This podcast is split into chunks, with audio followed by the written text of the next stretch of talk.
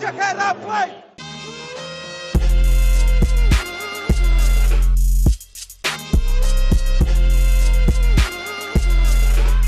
Jo, živijo, lep pozdrav vsem, uh, jaz sem Matej, tokrat pa v podkastu uh, vse o bombastični novici, ki je odjeknila na drugi strani Atlantika v NBA ligi.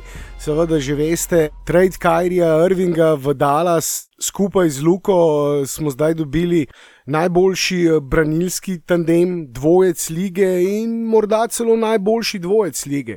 Vsekakor, uh, če združimo njuno statistiko v tej sezoni, dvojec, ki skupaj dosega največ točk v ligi. Z Blažem in Markom uh, smo v nedeljo, ravno dobre pol urce pred to bombastično novico, začeli Space na Twitterju, Afna Sport Info.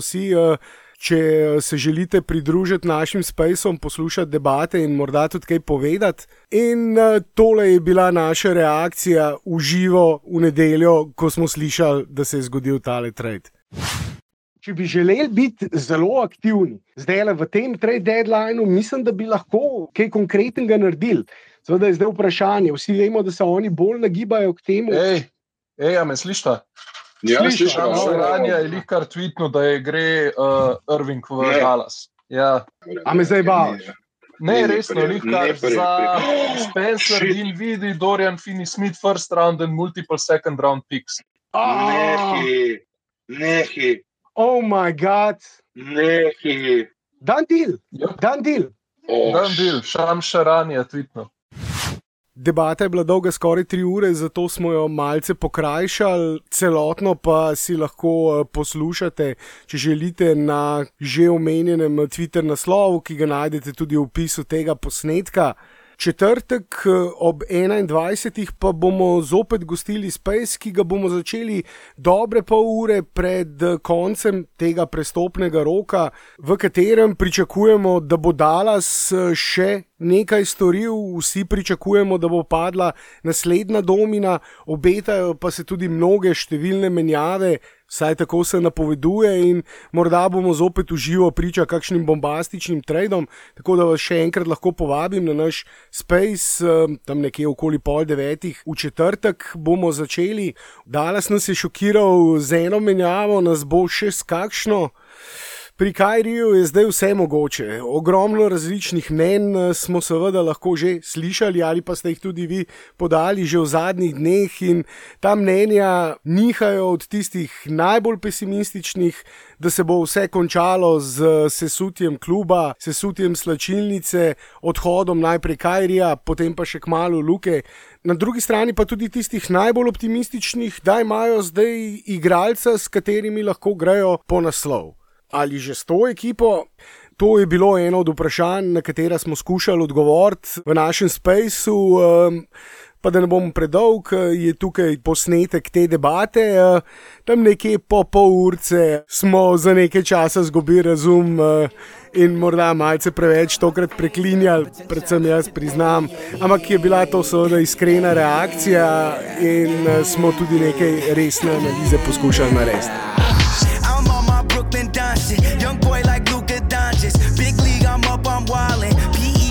Dober večer, med temi slišiš? Evo, slišim te, Marko, v bistvu sem ravno govoril še nekaj usklajeval do zadnje sekunde, ampak Aha. sem vama z Blažem že dal pravice, uh, upam, da se bo tudi Blaž lahko malo kasneje oglasil, ampak vidim, da je že ogromno ljudi z nami. Najbolj, da začnemo, a ne, da, in uh, moramo začeti pri tej najbolj vroči topiki, seveda bombi, ki je eksplodirala, trade Kajrija. Zadnja novica je bila, da bo zdaj na klopi, dokler ga ne tradajo, bo sedel eh, do četrtka, oziroma do dneva, ko bo tradan, kar še dodatno potrjuje ta njihov namen, da ga nameravajo tradati. In je zdaj seveda vprašanje, kje bo končal, kam bo šel. Med temi najbolj resnimi snupci so se pa pojavili tudi Mavsi, poleg Lakersov in zdaj še Clippersov, kot teh moštev, ki, lahko, ki so najbolj zainteresirana, oziroma se najbolj resno pogovarjajo uh, z neci o tem tradu. In Mavriksi so tukaj zraven. Zdaj, Marko, v bistvu, sploh ne vem, s katerim vprašanjem naj začnem, ampak mimo grede, samo če želite besedo, če želite kaj dodati debati, vljudno vabljeni, eh, spodaj levo je mikrofonček, samo stisnite ga in vam takoj dam besedo, povejte svoje mnenje, kaj vi mislite o tem tradu. Če pa ne želite se oglasiti, lahko pa spodaj desno, kjer so komentarji, tudi eh, napišete svoje mnenje. Pa me zanima, Marko, ali je to sploh trend, ki te zanima? Boš zadovoljen, če pride do njega, ali bi raj videl, da se ne zgodi, še preden te vprašam, kaj bi dal za Kajrija. Pa morda lahko to vprašanje tudi vam zastavim. eh, Če pustite odgovor v četu, ali pa če se javite za besedo, eh, napišite, da bi želeli videti, da Mavsi izpeljejo ta trade, in seveda, kaj bi ponudili necom v tem primeru. Pa isto sprašujem tudi tebe, Marko, lahko tukaj začnejo debato. Ja, eh, preden pa začneva, počakava samo par sekund, da Blaž zrihta eh, nekaj, zaradi česar bomo lahko ta Space poslušali tudi na drugih platformah. Namreč kar nekaj poslušalcev je prosilo, če lahko damo eh, ta Space, ko se pogovarjamo, ko je v bistvu na mesto našega podcasta, tudi na druge platforme, da jih lahko poslušajo v avtu ali kje druge, na, na sprehodu in tako naprej. Pa mislim, da to že zrihta, tako da greva na tvoje vprašanje. Uh, jaz bi začel s tem, da najprej vidimo, kaj sploh uh, Irving želi od novega kluba, zakaj želi iti proč od starega uh, in uh, kaj za njega želi Brooklyn dobiti. In potem bomo tudi lažje videli, ali je sploh uh, Dallas lahko nek resen trade partner ali ne. Torej, uh, glavna stvar, zaradi katere Irving hoče iti proč, je zato, ker mu Brooklyn ne ponudi štiri leta brezpogojne uh, pogodbe, torej brez nekih pogojev, ali bo zmagal uh, naslov, ali bo igral toliko tekem. Pač, Katerikoli pogoji so notrne naveze, očitno Irvingom niso všeč. Tako da Irving išče klub, ki mu bo lahko to pogodbo dal. Brooklyn pa išče klub, uh, ki bo v zameno za Irvinga poslal nazaj igralca, dovolj dobrega, da lahko z Dorentom še vedno tekmujejo za naslov. Jaz mislim, da Dallas razen Luke takega igralca nima. Jaz mislim, to je, da Dallas ne more ponuditi štiriletne pogodbe Irvingu, razen če svojo prihodnost malo drugače zastavi, kot si jo je zdaj. Vemo namreč, da, da so zdaj to sezono. Marko, vprosti, ki te prekinjam. Ja, ne, more, ne more ali noče. Mislim, ti misliš, da nočejo, ne da ne morejo. Ker teoretično bi lahko ponudili, seveda, če trajdajo za enako vredne pogodbe.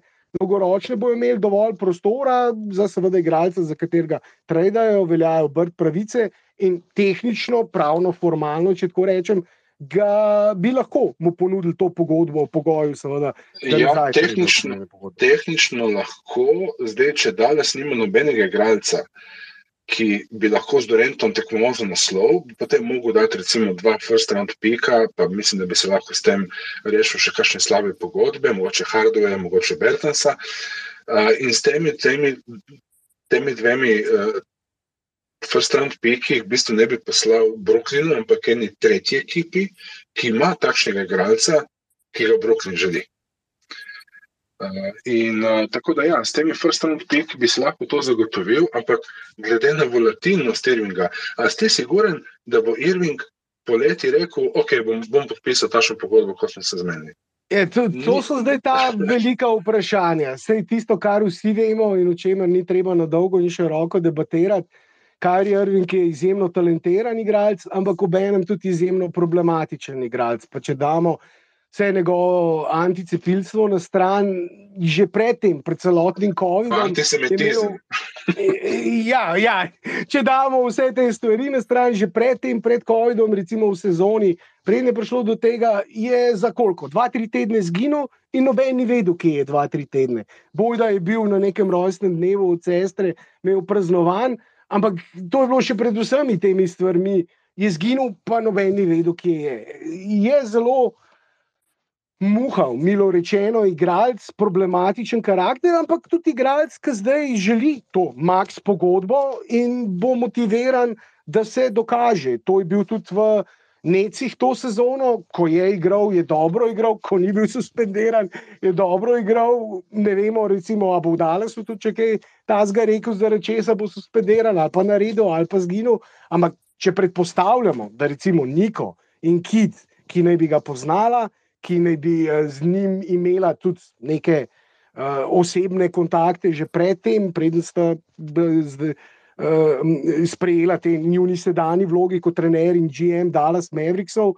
In če one dva dobita določene zagotovila, predvidevam, da ne bi šli v ta trade, če ne bi dobili teh zagotovil. Ob tem, pa, ko si tudi sprašval, kaj bi lahko Dallas ponudil, je Tim McMahon poročal, da mu je KD Durant osebno rekel, da mu je Dorian Fini, da sta mu Dorian Fini Smith in Josh Green zelo všeč, da sta to igralca, s katerimi bi želel igrati, bi jih rad imel v ekipi, eh, bil impresioniran nad napredkom uh, Josha Greena tudi in bi to verjetno bila igralca, ki bi jih bilo treba vključiti v ta trade. Vsaj enega od teh, verjetno Dorijana Fini Smitha, kot igralca, ki lahko zdaj pomaga ekipi v obrambi, konkretno je soliden, dober, na trenutke celo catch and shoot igralec, 3D igralec v bistvu tak 3D igralec, kot ga rabi vsaka ekipa. Brez takega igralca v taki vlogi tudi težko usvojiš naslov, oziroma ga ne moreš, če nimaš uh, enega spodobnega 3D igralca.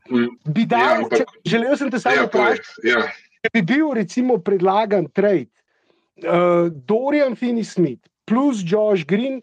Plus, recimo, za pogodbo izenačeni še Tim Hardaway Jr., za Kajrija, zdaj tukaj je debata, bi morali še kakšen pik dati zraven, ampak če bi bil samo to predlagan trade, brez pikov, pa bi skoraj da se mi zdi zihar bilo potreben, če kakšen pik dati zraven, ampak če bi bil samo to predlagan trade, bi dal ti, ti, ti te tri igralce, oziroma predvsem ta dva, ki sta še toliko bolj pomembna, mogoče celo kot Tim Hardaway Jr.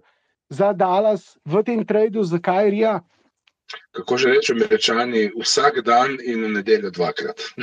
Takoj, Lej, v sekundi. Zakaj? Zato, ker first round piki ostanejo v Dallasu in z njimi lahko še izboljšajo ekipo. Uh, Brez zdaj... pikov, se pravi, bi bil redo, če bi bilo treba. Kaj, če bi mogel še en first round pik dati zraven? Potem pa verjetno ne.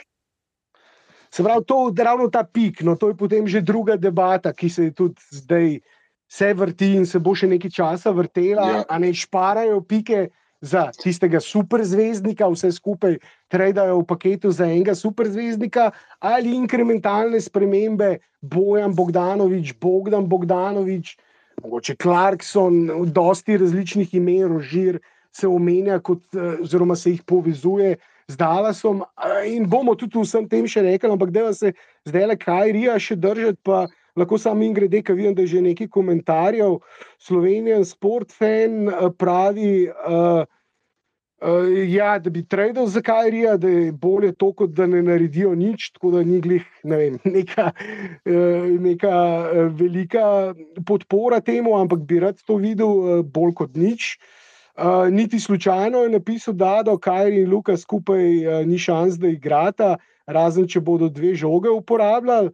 Eh, da me je še napisal, kaj niso vedeli, kje je v Atlantic City, v igralnici, se to ni neka skrivnost. Um, kdo je v Atlantic City, ne vem, kaj veš ti, Marko, koga misli. A mogoče ga zamenja za Hardna. Ja, ne vem. Um, uh, pa Mitja Kunstel je napisal, Kajri plus Luka je formula za šampionski prstan. Se pravi, za enkrat je en odločen, ne en odločen, ja in en boljš kot nič. Recimo, če zdaj vidim, lahko uh, napišete še svoje mnenja, pa jih bomo pokomentirali. Ali pa, kot sem dejal, se javite uh, spodaj, levo je mikrofonček, če želite besedo. Uh, se pravi, zate je ta pik, first rounder, me, ampak Marko, poglej, zdaj le, če vidim, gledamo to sezono. Imajo napad, če je Luka zdrav, ko je Luka zdrav, je napad dober. Z napadom ni problemov. Problem je pa obramba in zgubljajo zaradi obrambe. Zdaj, če ti izgubiš dva, top tri, top štiri obrambna igralca, mogoče celo top tri, bi rekel Green, uh, Dorian, Finney Smith in Maxi, bi rekel, da so najboljši trije. Če ti izgubiš v tem tradu dva in pripelješ enega izrazito napadalno usmerjenega igralca, ki ni dober v obrambi. kaj bojo pol, vsako tekmo dal 130 pik, pa poskušali, kar bi bili sposobni, recimo teoretična peterka je potem, če se to zgodi, ta trade, se pravi Luka, pa če rečemo, da damo še Tima Hardwaya v tem tradu, tudi polim ustane Luka, bi štartil zraven, seveda Kajri, verjetno Bullock, Maxi, pa Wood bi bila verjetno optimalna prva peterka in to recimo je prva peterka, ki lahko nadstrela, da več košev, kot kjerkoli ekipa, ampak po drugi strani pa ja, obramba in kaj bi imeli na klopi. Je drugo vprašanje. Mogoče bi morali še kaj nazaj pol od Brooklyna. Veš. Ravn, ja, recimo vsaj uh, Joe Harrisa, ki je tudi dober v obrambi, pa dober za tri. Mislim, da ni tako Ne dober v obrambi kot. Ne, to sezono ne, to je res. Ampak, če primerjaš prej več sezon dober, pa to sezono slab, potem je v bistvu statistika na strani, na njegovi strani. Ne? Uh, zdaj, zakaj sem rekel ne first round pick? Zato, ker če izgubiš Josh Greena in Dorian Finney-Smitha, boš mogel izboljšati ekipo na obrambni strani in zato rabiš first round pike. Tudi Uda, recimo, verjetno ne bi podaljšali, oziroma mu dali dve, tri, štiri letno pogodbo, če bi dali pogodbo Kajriju. En kup stvari povleče to za sabo. In uh, ko so Steve Nash odpustili in, in je Žak Von prišel na mesto trenerja v Necih, mi je bilo zelo všeč, kar je naredil z Neci. On se je namreč odločil, da bo igral podobno kot Oklahoma z Russell Westbrookom in Durantom. Torej, dva elitna ball handlerja, elitna skorerja, s tem, da je tudi zelo dobro obrambi, to je Durant, okoli njih pa trije obrambni igralci. Uh, Von recimo ni dal prvo postavo več karija, oziroma zelo malo minut mu je namenil. Tudi Peti Mil se ni več dal prvo postavo, ker sta oba slabo v obrambi. Prvi postavi je bil Royce O'Neill, uh, pa uh, Harris se je menjaval uh, še z, um, sem potem spomnil, uh, pa Nick Claxton. In zaradi Irvinga in Durenta si je lahko von privoščil, da celo igra skupaj Simonsa in uh, Claxtona, dva, ki nista šuterja, ampak sta pa zelo dobro v obrambi. In na takšen način so neci zelo, zelo dobro delovali. Seveda, poškodba Irvinga in Durenta vse to uniči. Zdaj smo videli, da brez Durenta jim je kar težko. Zato bi bilo v bistvu necom res še težje, več če bi dobili takšne igralce kot so Dorian Finney-Smith in Josh Green, ne morejo igrati z dvemi ali celo tremi uh, igralci, ki niso šuteri, ne, kot Claxton in Simons. Uh, Josh Green sicer nekaj malega zna skreirati, ampak je on šele na začetku te kreatorske kariere, bi temu rekli. Uh, na drugi strani pa, če bi bili Irving pa Luka skupaj, bi to zgledalo ne čisto podobno kot v Necih, ampak ti imaš vse čas na parketu ali Luko ali Irvinga in na koncu tekme oba. Da mi povej, kako bo nekdo branil to ekipo. Ne boje. In če ima zraven tri dobre defensivne igralce, tašne, ki Marko, malo te prekinja, Ja. samo malenko ste prekinjali prej. Ja, ja. Uh, ampak zdaj te v redu slišim. Ja, sam to Ok, odlično. Eh, Recimo, e- enega kleberja ne moreš imeti zraven, ker je že malo star in je uh, nagnjen poškodba, ne more igrati veliko minut. Ti rabiš stabilne dva, tri obrambne igralce, ki so dobri v napadu. Uh, ali rimrunnerji, kot je Dwight Powell, ali pa tricaši, kot je Bullock, čeprav letos ne igra toliko dobro. Uh, in ta ekipa bi bila res, res dobra, po mojem. In jaz mislim, da skupaj z Irvingom bi Luka nabiral več asistenc, kot da bi mogel toliko točk dati. In Luka, vemo, da v bistvu kljub temu, da, da zdaj a, daje toliko točk, on je v osnovi pass first playmaker, ne score first playmaker. In on bi lahko šel nazaj v to vlogo z Irvingom. Tukaj se strinjam s tabo. Jaz mislim, da če bi on imel recimo ekipo polno talentiranih napadalnih igralcev, ne enodimenzionalnih, ki so posebno odvisni od njegove kreacije, in če bi se bolj skom, lahko skoncentriral na playmaking, mislim, da bi bil popolnoma zadovoljen, če bi recimo dajal 5-6 točk na tekmo, pa 2-3 podaje več. Mislim, da bi to celo še raj videl. In mislim, da je to tudi igra kateri bi on stremel. Ampak vemo, Mavsi so gradili na specifičen način in rezultat tega je tudi njegova igra. On mora igrati tako, kot igrajo v vseh teh neskončnih debatah o načinu, helio, načinu na katerega igrajo Mavsi in uh, tem heliocentričnem sistemu, kjer se vse vrti okoli luke.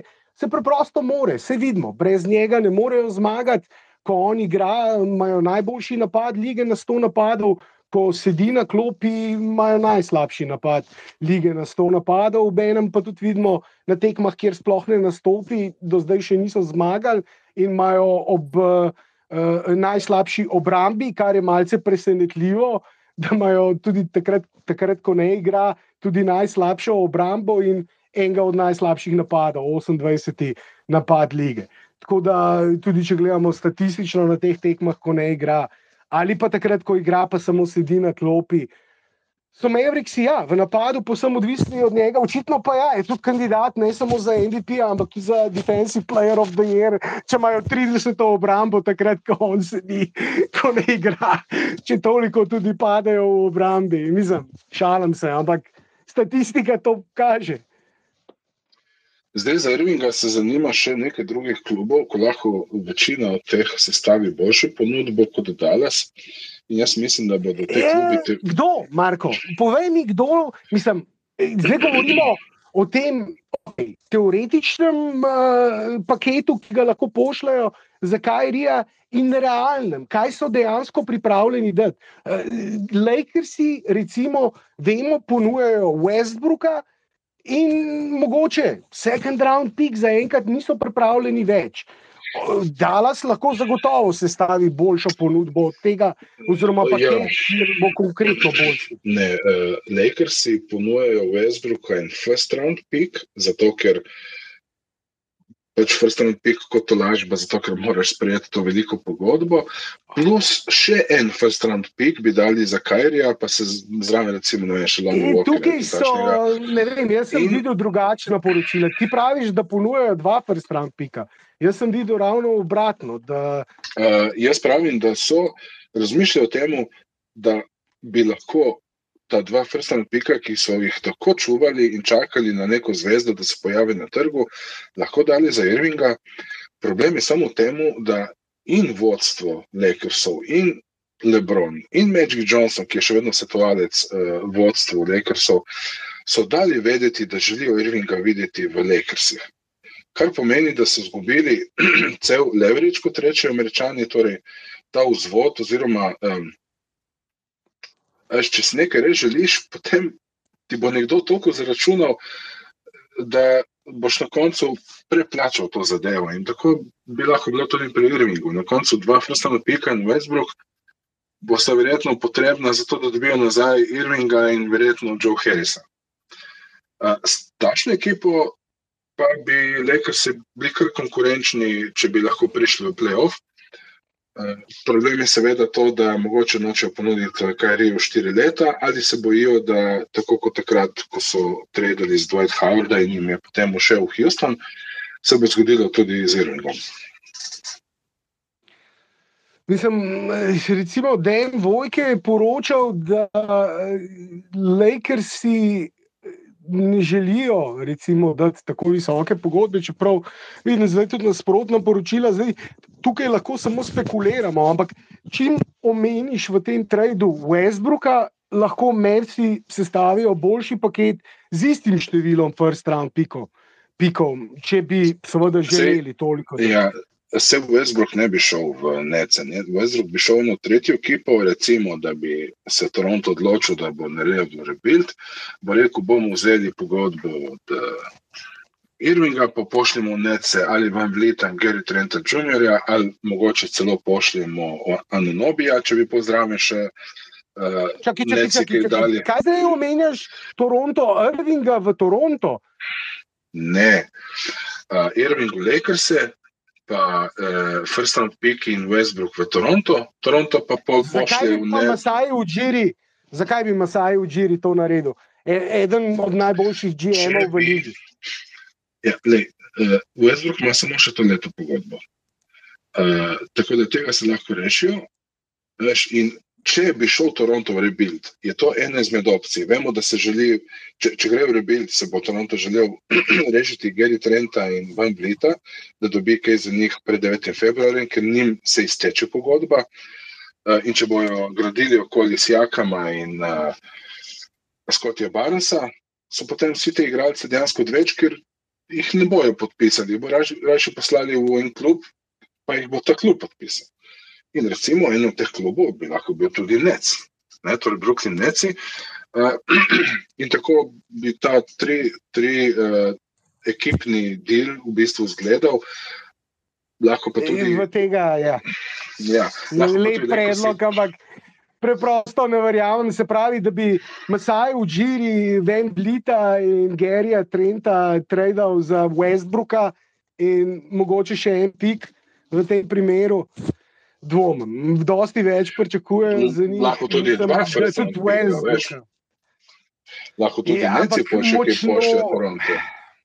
Močno dvomim, Zdaj, če govorijo o Torontu, je OG tisti igralec, ki ne bi bil prvi traden, vsaj edini igralec od teh, ki je že zahteval trade, oziroma dal vodstvu vedeti, da si želi menjavo v drugo ekipo. Ne vem, mislim, dobro. Je en možen scenarij, ampak že spet mislim, da če govorimo v tem primeru o Dorianu, Finu Smithu in Joshu Greenu, je to boljši paket, še posebej glede na to, kako ugodne pogodbe imata. In da sta še pod pogodbo toliko časa. Potem, kar smo tudi slišali od uh, Tima Hardwaya, se sem omenil, je Durant specifično omenil uh, Doriana in Josha kot igralca, ki sta mu všeč, s katerimi bi rad igral. Tako da to ima zagotovo potem en določen faktor. Ja. Skupaj z njunim pogodbo in potem, kar lahko berem, kar slišimo, sta to dva eseta, ki bi jih vsak klub v ligi želel imeti v dobre pogodbe in koristna igralca v rotaciji, ki lahko recimo igrata več kot 25 ali pa v primeru Dorijana tudi 35 ali pa več minut. Ampak problem je temu, da potem bi bil Durant edini bolj handler v, v necih. Tega se pa on ne želi. On se želi imeti zraven še enega kreatorja, ki lahko ostane na parketu, ko se Durant usede in veš, neci samo z obrambo ne morejo zmagovati. Ker potem se zgodi to, kar se je zgodilo Durantu proti Bostonu v lanskih playoffih, ko so ga primili res, na njemu so se potrudili maksimalno in so dejansko razbili igro necov. Veš. Tako da, ok, Fini Smith, ja, lahko še Žurentov, to je Josh Green, ampak z njimi ne bo zmagali naslova, z Irvingom pač. A veš, ne bojo zmagali z Irvingom, seveda, ampak Irving odhaja, več kot očitno. Ja, Jaz sem mislil, vsaj pred tem tweetom Krisa Hensa, da bo Irving zdaj sedel, dokler ga ne tradajo. In potem, kar so tudi nekateri viri v blizu Irvinga potrdili, da namerava odsedeti do konca sezone, če ga ne bojo tradali. Bo verjetno traden in ne bo ostal v Necih. Res pa je, da to lahko za sabo zdaj potegne tudi trade do renta. Mislim, lahko se zgodita dva ogromna buma. Če bi, do, Tudi. ja, če bi do tega prišlo, bi pa to posebno spremenilo lahko razmerje moči v ligi in do dobra premešali karte oziroma ustvarjali novega resnega favorita za naslov in seveda druge ekipe močno poslabšali, ampak vidim, da se nam je blaž uspel še pridružiti, pa verjamem, da ima tudi on še en hot take tukaj, eh, ko gre za trade Kajrija. Kaj praviš, blaž? Kaj bi dal za Kajrija, oziroma bi sploh kaj dal? A ga hočeš imeti v ekipi? Te zanima, kako bi izgledali, če bi Luka in Kajri skupaj igrala. Kam blaž, me slišiš? Unmuted se moraš uh, prej, če si mogoče že malo pozabil. Mogoče se ne moreš še pridružiti. Mogoče še ne more govoriti, no bomo počakali, da se javi. Uh, Ti se kar, uh, povedal. blaž, ja, sem hotel se reči, ker Ja, skoči kar, kar, debato. kar prekini, tako je. kar boš prekini, uh, hotel, ja, ja, ja. Pa, če še seveda želite besedo, kar povejte, izvoli, Marko. Ja. Durant je štop pet igralec, en najboljših igralcev v zadnjih nekoliko letih. Ampak a je Durant vreden vse slabih stvari, ki on potegne za sabo? Jordana, Deandre Jordana so mogli podpisati za 10 milijonov leto. Irvinga morajo imeti vse čas in mu poskusiti ugoditi v čim večji meri, zato da je zadovoljen. in da je pol tudi Durant zadovoljen.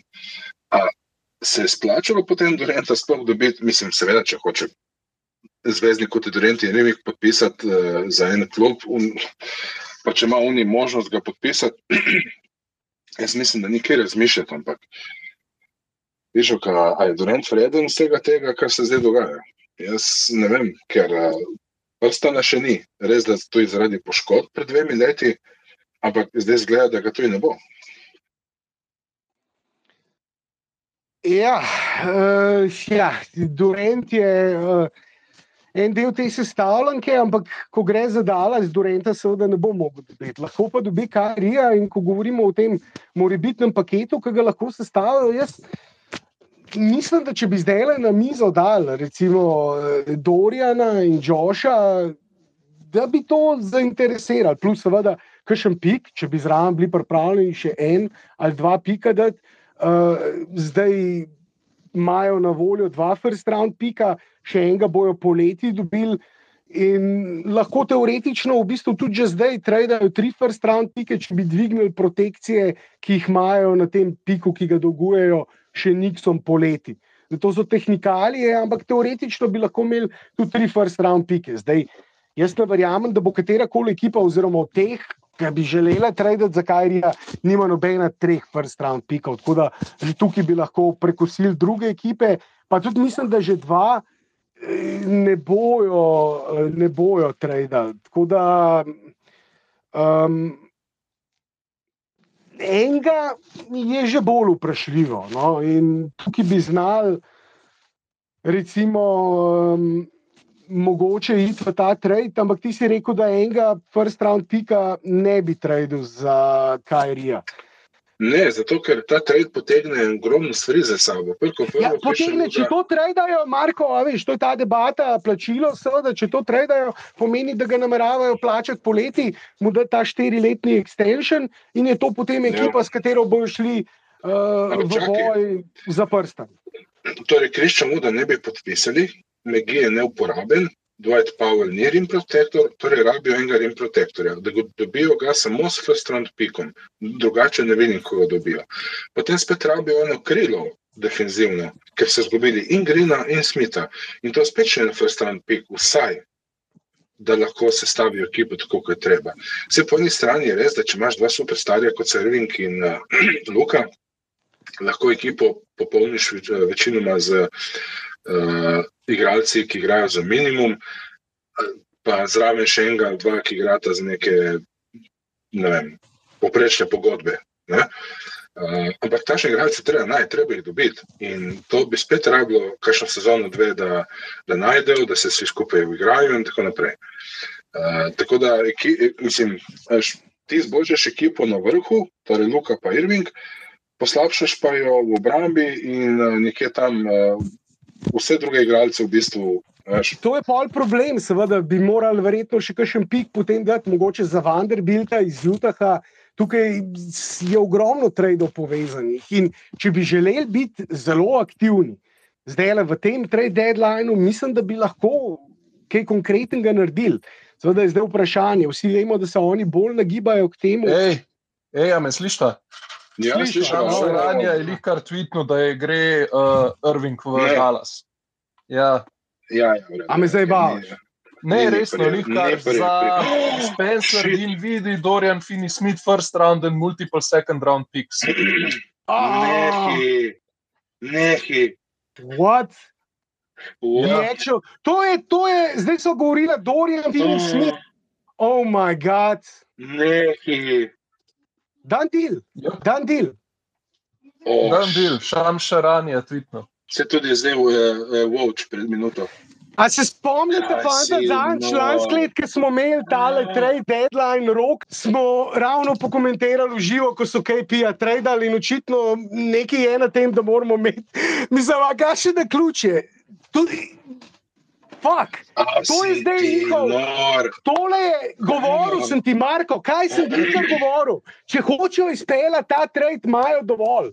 Imajo dovolj, imajo najboljši paket. Dorja na fini smita je kaj di hotel. Evo, evo, evo, evo, evo, mislim, ja, to je to. Dorja na fini smita. Spencer Dinvidi 2027, first round pick, pa second round pick. Oh, my fucking god. Mislim, to je zdaj njihov move, zdaj le bomo imeli cirkus, zdaj le bomo imeli, Oh, mislim, drug, drugi del sezone. Kaj bomo imeli? Mislim, uh, uh, Mislim, na, Redditu, na Redditu je trenutno najbolj upvoten komentar na ta trade, pray for Luka. Da čakaj, vse pove. Luka needs more help, zdaj pray for Luka. Dorian Torej, Finney torej, to Smith je, Oh, shit. Dorian Finney Smith je najboljši prijatelj Luke v ekipi. Bil je v ekipi, ko je bil Luka draftan in takrat z njim zakonektu, odličen locker room guy. V bistvu na nek način srce in duša te ekipe. Ravno prej sem z enim ameriškim podcasterjem, govoril, prej smo začeli s Bipsom, vsega verjetno tisti, ki spremljate uh, Mavs, Twitter, uh, pa podcast, ki poznate. In so ravno o tem govorila, ja, da je Dorian Finney Smith srce in duša te ekipe in je dobro, da se posvetujejo z Luko, če bojo šli v ta. Ampak točno o tem sem govoril. Mavsi so imeli in imajo dovolj, če hočejo iti all in. In to, sla, to je bil trend samo na mesto Joša, so zdaj dali Spencerja, Dinvidija, torej tega njihovega Zato- ballhandlerja. zato- Dinvidi tako. se vrača v Nece. Se vrača v Nece, ker je najboljša leta karijere, no, pred to eh, finalom konference lani uh, dosegel in ta trend bo odločil, ali bo Luka očen Čakaj, čakaj. eh, in zahteval Matej, trend. Če bo šlo vse v kurac, ja, povej. E, ok, čakaj. A se mi Torej, sliši? Josh Green, ja, se ti se že. Torej, Josh Green je še v ekipi, pa še en first round pick imajo. To pomeni, da če zdaj razmišljamo, kakš, kako bi izgledala ekipa, imajo Luko, Irvinga, pa verjetno Green v prvi postavi, uh, Hardway v prvi postavi in Dwight Powell, dokler Wood ne prije nazaj. Druga stvar, To pomeni, da Irving bo dobil štiriletno pogodbo od Cubana. To verjetno pomeni, da Voda ne bodo podaljšani, ne bodo mu ponudili tistih štirih let, mogoče niti dve leti zdaj več ne, ker rabijo zdaj defensivnega. In tretja stvar, rabijo tretjega ballhandlerja, ballhandlerja. E, torej e, nekoga, ki bo za Luko ali pa za Irvingom skrbel za igro. E, Green sicer to lahko počne, mogoče par minut na tekmo, ampak mogoče niti ne. Ampak Irving in Luka skupaj in šit. Oh, shit. Ej, to, to dobivam podobne vajbe kot, kot takrat, ko so Chris Paula v Houston tradili. Ja. Blaž, blaž tvoja reakcija. Mislim, Je, je še eno, ne morem verjeti. in, in ravno z Bipsom so tudi govorila o tem, oziroma so kaj bile naj rečem Za indikacije. Pač, moje mnenje je itak, da Kajri Irvingu se ne da špilati basketa. Pač, talent nikoli ni bil sporen, ampak jaz mislim, da se njemu pač basketa enostavno ne da špilati. Tukaj pa pač finta, da je to edina opcija, kjer lahko zaslužiš na desetine oziroma stotine milijonov in to je to. In to je pač njegova glava, je vedno bila problem in to se ne bo spremenilo, zaradi tega, ker je bil problem je bil v Clevelandu, problem je bil v Brooklynu, problem je bil v Bostonu, povsod, kamorkoli je šel, je bil slejko prej nek problem. In tudi njegov način razmišljanja in vse to bo pač samo, samo probleme bojo imeli. In jaz mislim, da je to v bistvu zdaj. Um, Dallas je navezal dinamitne palce na svoj stol, in zdaj pač uh, bomo samo počakali, da to eksplodira, in na koncu mislim, da bo to rezultiralo tudi v tem, da bo Luka šel. Ja, zdaj okay. Si ti že popeljal zgodbo do tistega, po tvojem, neizbežnega črnega konca. Ne vem, to je zdaj le, seveda, najbolj riskanten premik, eh, sprememba, ki so jo lahko naredili. Nared, ampak dejstvo je pa tudi, da so to samo premiki, ki so jih lahko še naredili. Traders so torej en first round pick, imajo še dva first round pika na zalogi. Eno vprašanje, ki se mi zdaj le takoj tudi poraja, je seveda, kaj zdaj to pomeni za Kevina Durenta. Ravno govoril sem o tem, da je izpostavil Dorijana kot tistega igralca, ki mu je všeč, s katerim bi želel igrati, tega igralca je zdaj dobil. Prijetno in mislim, da je to zdaj le samo prva domina, ki je padla in bo zdaj le to za sabo potegnil. vesoljski, bombastičen prestopni rok in številne menjave. Mogoče tudi Mavriksi še niso končali. Vemo, da imajo še en first round pick zdaj. A se jim zdaj le splača, če so že šli olin, je to olin pa do konca. Reči, ajde, gremo zdaj še poiskati bojana, recimo za tega drugega first rounderja propeljati. Ali pa mogoče kakšnega centra. Mislim, to so zdaj že druga vprašanja, ki jih je treba seveda zanalizirati in o katerih moramo predebatirati. Ampak dejstvo je, da ja, mislim, tukaj sta zdaj samo dve možnosti. Ali usvojijo naslov, naredijo nek konkreten preskok, naredijo nek boom to sezono, ali pa mislim, da ni druge možnosti, kot da bo Luka šel. In bomo čez tri ali pa štiri leta o njemu govorili v Miami. Na Miami stavim, če se to ne bo obrestovalo kot ekipo, kamor ga bo verjetno Goran, ki bo takrat že ne GM, ampak eden od exekutivov, uh, direktorjev v klubu, funkcionarjev, če hočete. Uh, po končani karieri, mislim, da bo uh, tam nadaljeval uh, kariero v klubu Miami.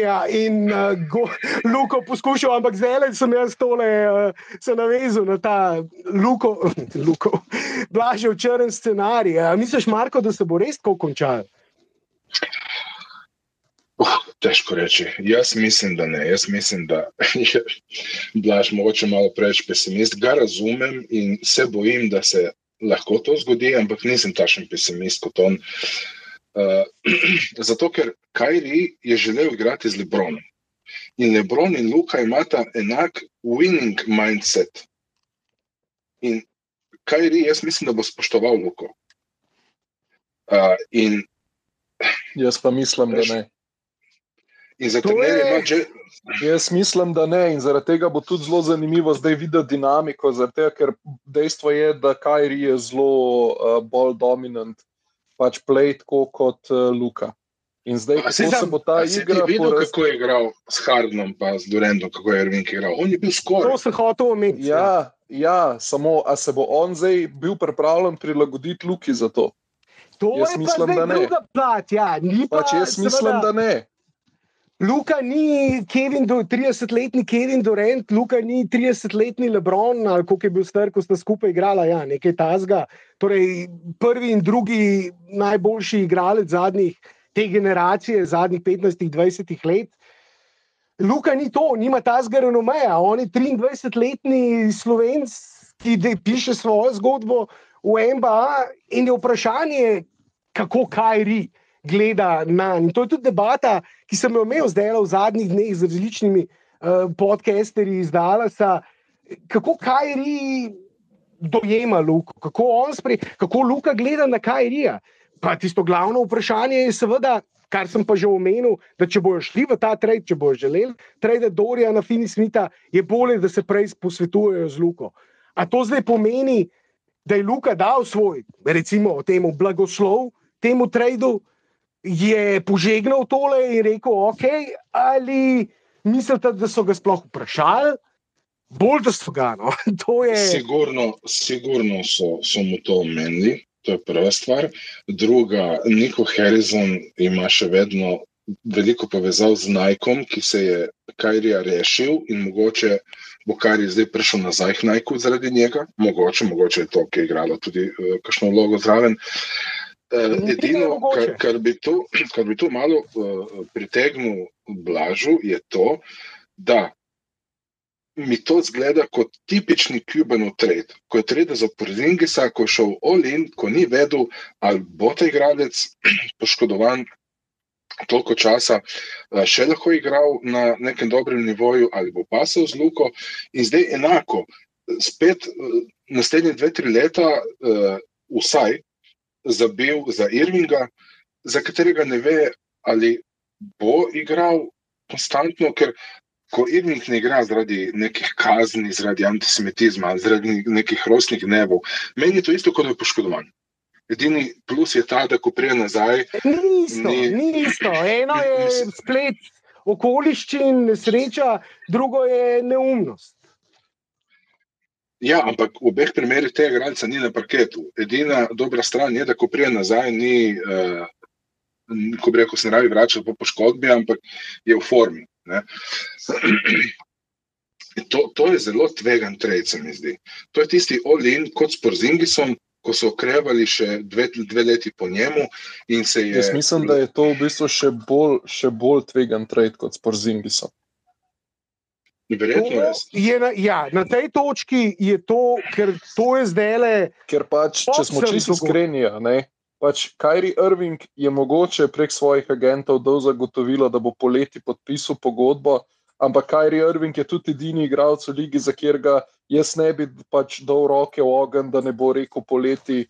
Uh, v bistvu sem si premislil, tako da je fan Dallas. V Brooklynu je imel vse, kar je želel. Dali so mu vse, njemu in KD-ju, franšizo zgradili okoli njega, tradali igralce, ki jih nista hotela, pripeljali igralce, ki sta jih hotela, ne na zadnje, tudi trenerja, ko sta imela tega dosto, tudi tega zamenjali. In je zdaj z Ža- Žakom Vonom vse dobro potekalo, stvari so tekle gladko, dobro so igrali, ker sta bila oba zdrava. In tudi to ni bilo dovolj, Kajrijev kaj zdaj daje vodstvu Dalasa garancijo, da bo Kajri zadovoljen tam. Hrasenkov, David se nam je pridružil, živijo David. Mislim, da, se, da si celo na poti, a si se, se iz poti uh, javljaš, dele, kje si. Živijo, ne, sem že doma. A, lepo, lepo. Povej. Ja, jaz sem to napovedoval že dolg časa, da je še preden so povedali, da, bo, da so Mavsi eni izmed favoritov, sem pričakoval, da, bo, da, je, da ga hočejo. Že, po, po moje so na Kajrija pričakovali že poleti, ker ni šlo čez, ker niso Gorana podpisali. Jaz mislim, da so bile ponudbe necom že takrat za Kajrija. Uh, glede fita z Lukom, po moje je super, kar se tiče igrati. Evo, prosti, Ja. Hrasneko, prosti, te prekinjam, uh, samo še tole, da Markif Moris pride tudi v Dallas v sklopu tega treda. The what? The what? Ja, no, dobro, Ja, tako da Luka zdaj je imel- celoten, celoten trade je uh, 2029 unprotected first round pick, 2027 second round pick, 2029 second round pick in pa Markif Morris za uh, Dorijana Fini Smitha in pa uh, Dinvidija. Torej, tukaj Ma- Watch, Watch uh, poroča, da so imeli Lakersi neci precej razgovorov, ampak da so neci želeli imeti enega bolj handlerja in obrambnega krilo. In zato se jim je zdela ponudba, uh, da se boljša. Uh, oprosti, hrastnik, zdaj, zdaj se pa res na vrsti, izvoli. Ja, ne, se nekaj. Pač, uh, meni se zdi, da Luka pa Kajri pašata na, na igrišče kot igralca. Pustimo zdaj, da je Kajri kot oseba zmešan in je temperana bomba, ampak meni vsi, po moje, vejo, da morajo zdaj probati all-in it zaradi Luke. In tudi zato vidim, da dajo 2,29 pike, ki jim je že vse, ker bo takrat, po, po moje, nov rebuild oziroma ali bodo imeli superstar ekipo, ali pa bo Luka šel in stavijo zdaj vse na to. Eh, Če se bo pa išlo s Karijem, to se bo pa videli. In po moje, Niko Harrison je odvisen od tega, tega trada. Veš kaj, uh, Sean Marks, ki je generalni menedžer uh, Necov in tudi uh, Joe Tsai, torej lasnik, sta bila do Irvinga kar, no, rekel, trda, ampak nista, veš, kazen sta mu dala, pa, uh, mislim, Cuban bo dosti bolj prijazen do njega, no, to, to je moj point, ne. Cu- Mislim, je do igralcev, ki so zvezdniki v njegovi ekipi, bo vse naredil za njih. Žal bo verjetno tudi ga malo preveč uvičkal, Spomnim se, ko to počnejo tudi Mori z, z v Houstonu s Hardnom in se potem ni najboljše končalo. Jaz upam, da Irving bo dobil neke meje, kot jih je dobil tudi v Necih, čeprav verjetno ne tako stroge.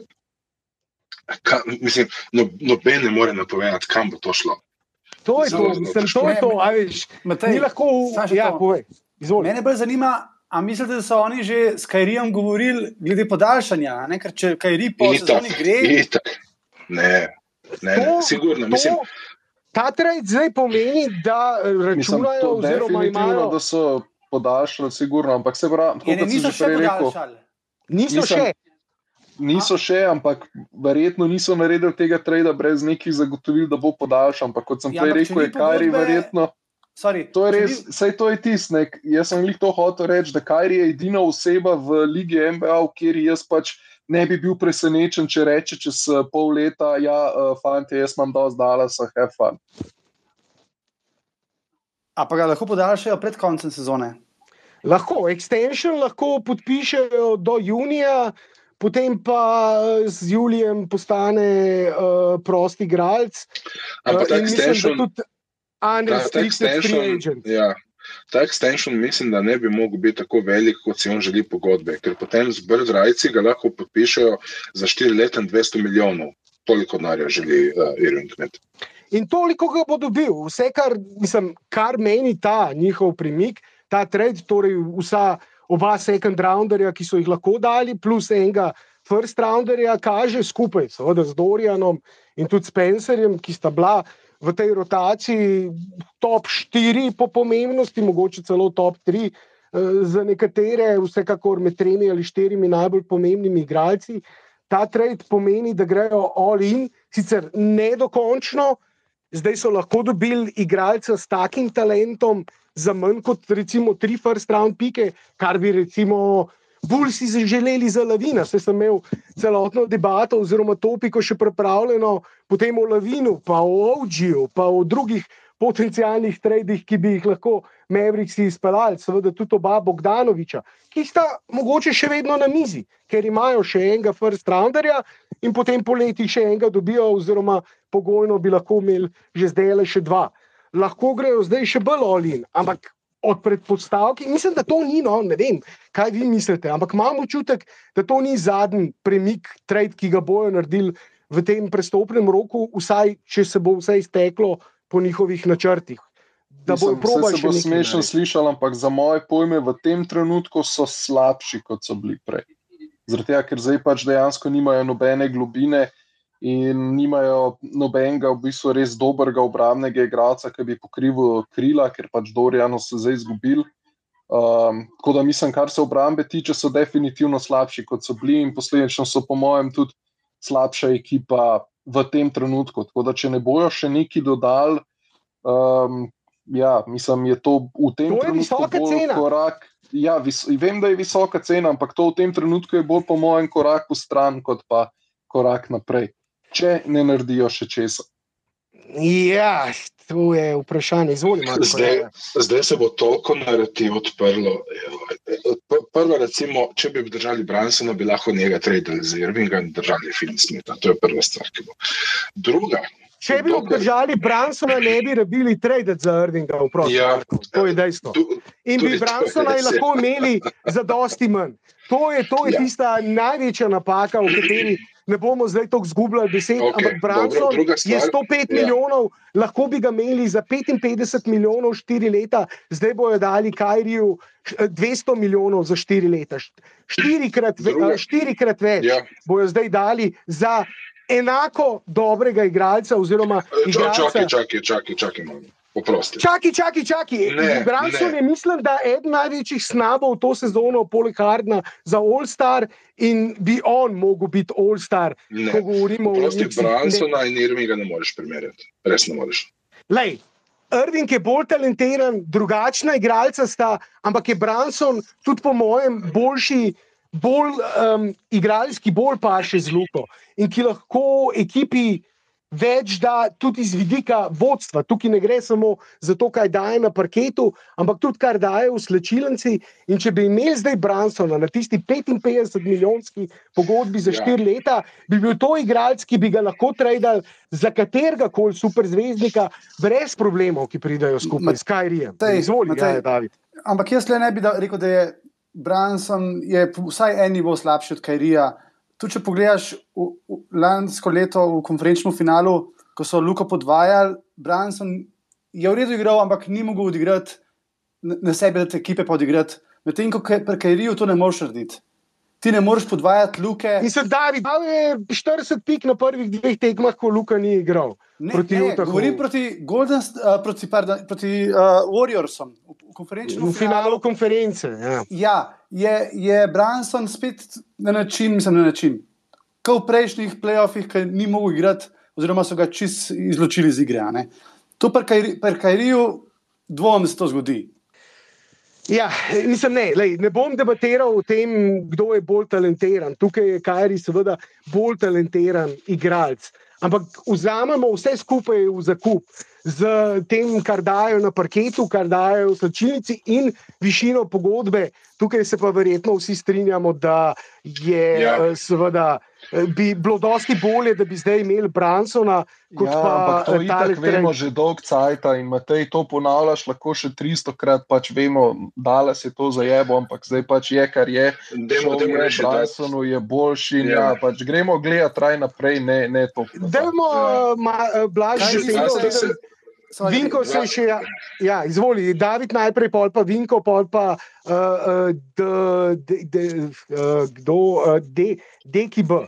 Tako da, uh, izvoli, Ne, jaz, jaz, David. bi, ja, jaz bi samo povedal za naprej, kaj mislite, da bo z Vudom zdaj, ker rekel si, da njega ne bo podpisali. A si prepričan, da ne bo hotel biti v tej trojki še Vud in bo pač malo popustil pri svoji pogodbi? No?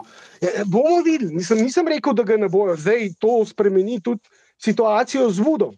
A bojo zdaj Vuda podaljšali do uh, konca tega prestopnega roka? Tudi to je eno vprašanje, na katerega bomo dobili odgovor. In se mi zdi, da ga zdaj celo morajo, da je zdaj to še dosti bolj pomembno, razen če ne bo Vud upleten v kakšen nadaljni trend zdaj. Tudi to mislim, da je zdaj na mizi uh, in to je še nekaj, kar moramo spremljati. Uh, izvoli, Vinko. Ja, zvoli Vinko. Hej, David me je čist prehtil, jaz sem ravno to hotel vprašati, ne, kaj bo zdaj z Vudom, a ne, da je to aktualno vprašanje. Drugač pa tako aktualen spet, ki je danes pa še ni bil, a ne, da, brez zamika. Ja, in mislim, se pravi, lansko leto smo ga tudi imeli takrat, ko so porzingi se tradili, tako da letos, ampak to so ga točno v prestopnem roku. Zdaj pa je do tega trajda, ja, čistko na ključno, res se nam je dobro poklopil. Um, DKB, izvoli. Živijo, Živijo, pozdravljen. Živijo. bom, bom, bom na kratko rekel. Slišal sem govorice, da je Ant, Ant, Anthony naj bi mogoče prišel v Dallas, ampak to so govorice. Ali bo to Kdo dobro? Antoni, eh, kateri Antoni? Antoni Davis. Ejton, Ejton. Phoenix. A ja, Ejton, Ejton, a ja, Ejton, pardon, Ejton. ja. Aha. Ja, ne, uh, Ejton je eno ime, ki sem ga imel tudi na tem seznamu imen, ki sem jih nameraval predebatirati v tem našem uh, trade spaceu. To je eno ime, ki se ga je povezoval v tem roku. Da bi zdaj le ostale dva pika, o katerih sem govoril, recimo še Tradal za Ejtona, pa recimo Pavla zraven, pa kaj bi morali še dati, Tima Hardawaya, da bi izenačili pogodbo. Ne vem, zdaj govorimo že o teh potencialnih tradih, ki bodo sledili temu. Jaz pričakujem še kakšen ta, za Ejtona, tako velikega, že spet. Ne vem, eh, a veš, zdaj so Dorijana so tradili. Evo, to je Matej, igralec. so- Matej, sorry. Stajn je jih potrdil, da so konzu- konzultirali z Luko pred trading. Da, so, da, je, da, da je Dallas potrdil, da so, da so se pogovorili. Ja, se, sem rekel, bož, da so se in upam, da so se seveda tudi s Kajrijem in dobili to zagotovilo, uh, ki so ga morali. Ker če bojo zdaj le Kajrija izgubili za stom poleti, to bo potem ponovitev zgodbe z Bransonom in potencialno tudi z Vodom. No, sej pravim, ne vem, kaj bojo zdaj z njim naredili. Ampak vsakem primeru, ko govorimo o Ejtonu, jaz mislim, da v tem prestopnem roku zdaj le tega trada ne bojo izpeljali. Ni pa še dokončal, če si z mize, ne vem pa, če bi tudi dal dosti za Ejtona, glede na to, kako je igral v Sansih, kljub temu, da je igral dobro, takrat, ko so šli do Drugače, ne. finala. Uh, Je tudi on, da berem, uh, glava ni prava. Wojnarowski, Ja. Wojnarowski je rekel, da Mavs will see how it goes and decide on new deal in off-season. Mislim, ja, see how it goes. To ceno, ki so jo zdaj plačali, ni cena za rental, Ne, kot bi rekel. ne, ne. Za igralca, ki ga boš najel za šest mesecev, eh, oziroma kakšnih šest mesecev, zdaj smo februarja, aprila se začnejo že play-offi, pol pa vprašanje, kako daleč grejo. Tri, štiri mesece, potem pa gre. To ni cena. Dorija nas gubiti za to, eh, ne vem. Tudi zdaj le to, the Mavericks consulted face of the franchise Luka Doncic before agreeing to trade for Kyrie Irving. Consulted je zelo tak uh, širok pojem. Uh, posvetovali so se. To, ni, to ne pomeni, da je Luka rekel ja. To ni Luka gave his agreement, gave his consent. Luka said yes, trade. They have consulted him. So se posvetovali z njim. Jaz seveda domnevam, da Luka ni rekel, ni rekel ne. Če boste to naredili, ni šans, ker potem verjamem, da to ne bi naredili. Ampak vprašanje pa je, koga je bilo treba prepričati. To pa je stvar debate. Koliko je on skeptičen, koliko je bil dovzeten za ta plan, za to idejo. To so vsa vprašanja, na katera bomo dobili odgovore zdaj v naslednjih mesecih. In zelo veliko, seveda, vprašanje je, kako bo zdaj vse skupaj izgledalo. Najprej na parketu, Zdaj, David, mislim, da tudi Marko si rekel, da pričakujete, da bo v redu na parketu zgleda, da igra na parketu ne bo, njuna kemija na parketu ne bo problem. Dosti večje vprašanje, tudi jaz mislim, je kemija v slčilnici. Kaj ri, nisem. A hočemo, no, čistko, kot fani slovenske reprezentance, lukata na prvem mestu in seveda pomembnosti, ki jo ima. Hočemo, ne vem, no, enega tako muhavega, čudnega tipa, no, kot je Kajri, ki pa je po drugi strani tudi precej karizmatičen in prepričljiv. In bo zdaj prevzel neko vlogo veteranskega vodje, kljub temu, da bo, pre, domnevam, Luka še vedno tisti glavni playmaker ekipe, vodja na parketu in tisti, eh, preko katerega bo vse potekalo, Kajri pa tista druga superstar opcija, ki so jo iskali in zdaj najdel. Je dosti večje vprašanje, seveda, kaj bo v slčinici in kakšne neumnosti bo tvezel Luki, nekdo, no, ki je že toliko različnih teorij zarote lansiral v javnost, uh, vseh mogočih, uh, za nekatere enih bolj ali manj spremljivih ampak nekaterih tudi takih, za katere pa mislim, da se vsi strinjamo, da so posebno nediskutabilne kot tista za plosko zemljo in flat earth teorijami. Pa tudi tale zadnja, zdaj, ravno z Bibsom sem se šalil pred začetkom, ki sem govoril, uh, pred začetkom tega Spacea. Sem rekel, da moram pogooglati, če imajo kakšen tale uh, Black Israelite, črnskih Izraelitov, chapter v Dallasu, in kako bo to izgledalo, ko bodo vsi se drgli tiste njihove slogane pred dvorano, tako kot so se v Brooklynu, v dvorani, pa necih, ampak New York je vele mesto vseh mogočih kultur in Dallas je pa povsem drugačna atmosfera. In sem ravno z Bibsom uh, govoril tudi o tem, da seveda vprašanje, kako se bo Kajri v to bolj konzervativno okolje vklopil.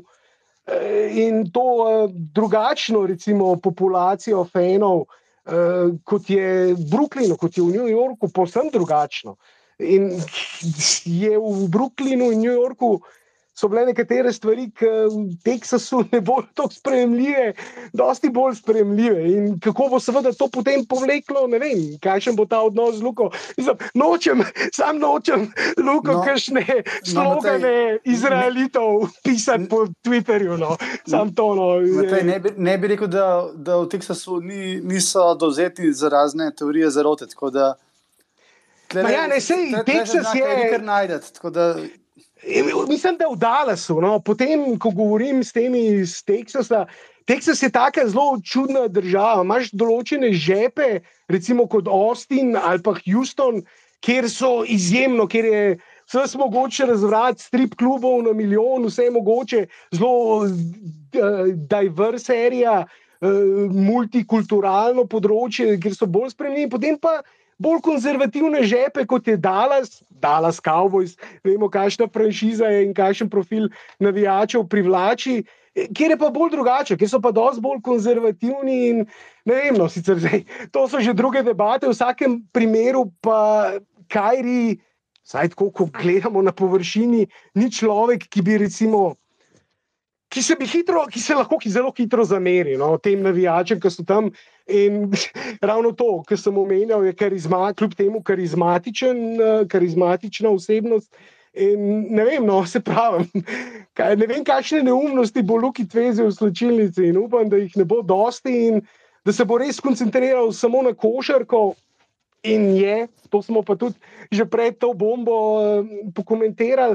Zdaj, v vsakem primeru, motiviran, glede na to, da želi ta Max Extension, želi to pogodbo podaljšati za teh 200 milijonov, ampak tega ne bo od nikogar dobil, če bo zdaj še, koliko, to je zdaj, bi bilo že tretje možno, oziroma četrto, mislim, Cavaliersi, potem uh, Boston Celticsi, zdaj Neci. In če bi zdaj nekako se še Mavericksi opekli z njim, je vprašanje, kdo bi bil pripravljen potem riskirati z njim poleti ali pa mu vsaj dati štiriletno Max pogodbo. In zagotovo, mislim, tisto, kar lahko rečemo, je tudi, da ni neumen. No, in je vprašanje tudi, koliko je pri tem vsem njegovem um, komentiranju, recimo provokacije in se poskuša delati, pf, ne vem, tisti. Matej. Pametnega po domače, ja, izvoli, Marko, kar, vi kar uskočite, če želite kaj dodati v Ja, debato. treba. Uh, mene miri dejstvo, da je um, Irving v Bostonu povedal, da se dosti nauči od Lebrona in da želi, da se tudi njegovi soigralci zdaj žrtvujejo, tako kot so se mogli uh, soigralci Lebrona žrtvovati, zato da so dobili prstan. To sicer govori svojim bostonskim soigralcem. Tisto mogoče ni bilo najbolj na mestu, ampak ljudje so navajeni igrati z Luko in mislim, da Irving bo verjetno s temi igralci lahko sobival. To je ena stvar. Druga, uh, Watch je tudi napisal, da si je Irving želel tudi Jason Kidd. To pa, da uh, bodo šele videli v Dallasu po, po, po koncu sezone, če bi podpisali pogodbo z Irvingom ali ne, mislim, da, mislim, da ni nobenih šans, da, da, da to naredijo, oziroma da so šli v ta trade brez nekih zagotovil strani Irvinga, da bo podpisal pogodbo. In uh, verjetno je to Vodžanovski tweetnil zato, da prikrije kakšen tempering, ki, zaradi katerega bi lahko Dallas bil kaznovan. Uh, ne, to je ena stvar, druga pa na čet uh, oziroma sporočila jih je zdaj kar nekaj, še posebej glede na to, da Ogromno, Nas- ja, ne, hvala vsem za, za debato, za komentiranje, se jih gledam z enim učem tudi to. Uh, javite se, no, pa povejte, kaj, ker uh, ja, je ogromno sporočil, brez problema. Ne, ker dodajte svojih par centov ali pa cel evro, če želite. Uh, se, zdaj bomo še kar nekaj časa mleli tole dogajanje. Tako da, ja, izvoli, Marko. Nekateri sprašujejo še o Morisu, eh, ali je to v redu, igralec za zraven Luke Nirvinga ali ne. On je star že 33 let, v obrambi je bil vedno soliden, uh, tašen enforcer v bistvu. Ne. Prej je skakal po Luki, zdaj bo skakal ob Luki po drugih. Ja, pa Markus, no, se z Markifom, Luka Ja, ja. jih imel kakšnih kratkih stikov, jih je pa imel z njegovim, uh, z njegovim uh, bratom dvojčkom Markusom, uh, ki sta res čist ista, tudi Ja. identične tetovaže imata. In je Goran, ko je igral z njima v Sansih, večkrat povedal, da jih so igralci niso morali ločiti. Doskrat so pa fejni celo spekulirali, ker ste znani tudi po tehničnih in izključitvah. Seveda, če se ni parkrat zgodil, da je v bistvu. Ko je bil Markus izključen, Markiv pol zamenil dres, pa na mestu njega odigral. Dejansko so bile ene parkrat te spekulacije, ampak vidim, da je Vinko dvignil roko. Ja. Vinko, če želiš kaj dodati, ja, ti Ja, se kar, ti kar uskoč, pa dodaj. Jaz sem na njih vsem prehtil, ker sem hotel vprašati zaradi tam Morica, no, ampak zelo podobno razmišljam, kot ka Marko. Ne boš, da kakšen tako umazan igralec z Luko igra, kot kar proti njim. Ja, mogoče bo tudi dobil kakšno tehnično več eh, na, na, na ta račun, da je poluke, da je poluke ne bo dobil. Ne?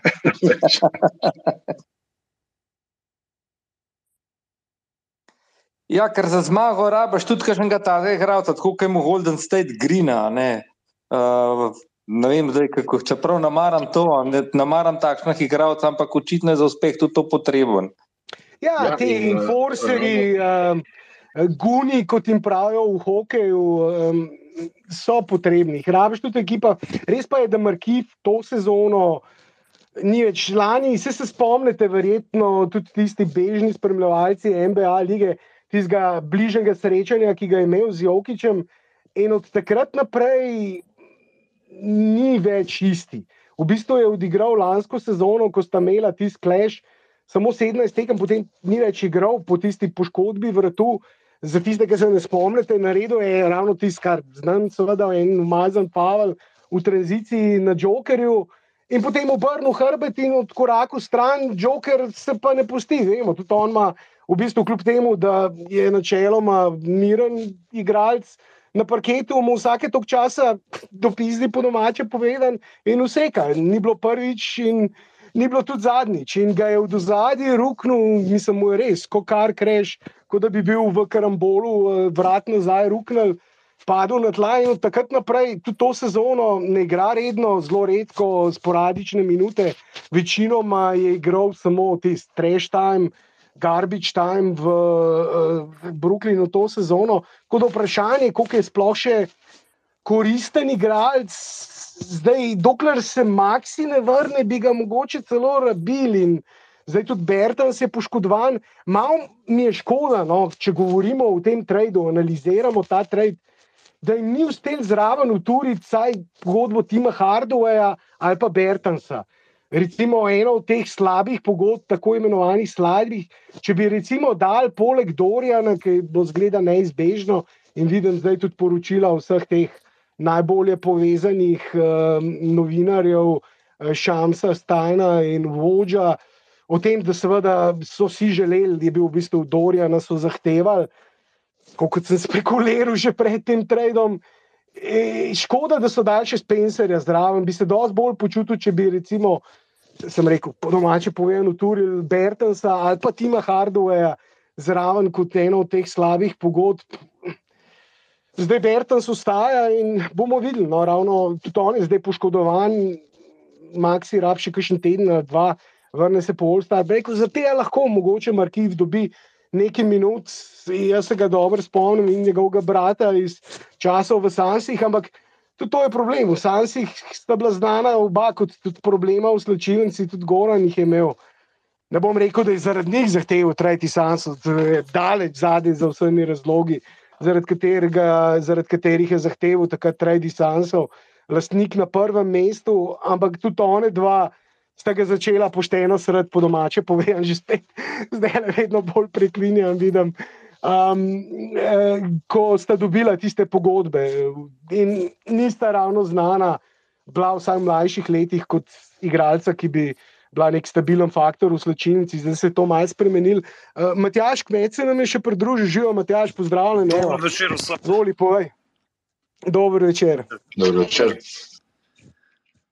Uh, ja. uh, hvala za mik uh, uh, mikrofon, uh, uh, oziroma za um, spikerja. Um, uh, sej, uh, ti, uh, t, uh, se bom um, lahko potem povem. No? Mislim, razen če, če želiš, da uh, zdaj dam komentar. Ali... Kar izvoli, kaj si želel povedati? Ja, ja. Um, zdaj, zdaj sem videl, da, da je ta trade, kar je v Dallas uraden. Ne? Uh, če sklepam po uh, Vojnarovskemu, uh, kot sem videl pred desetimi minutami.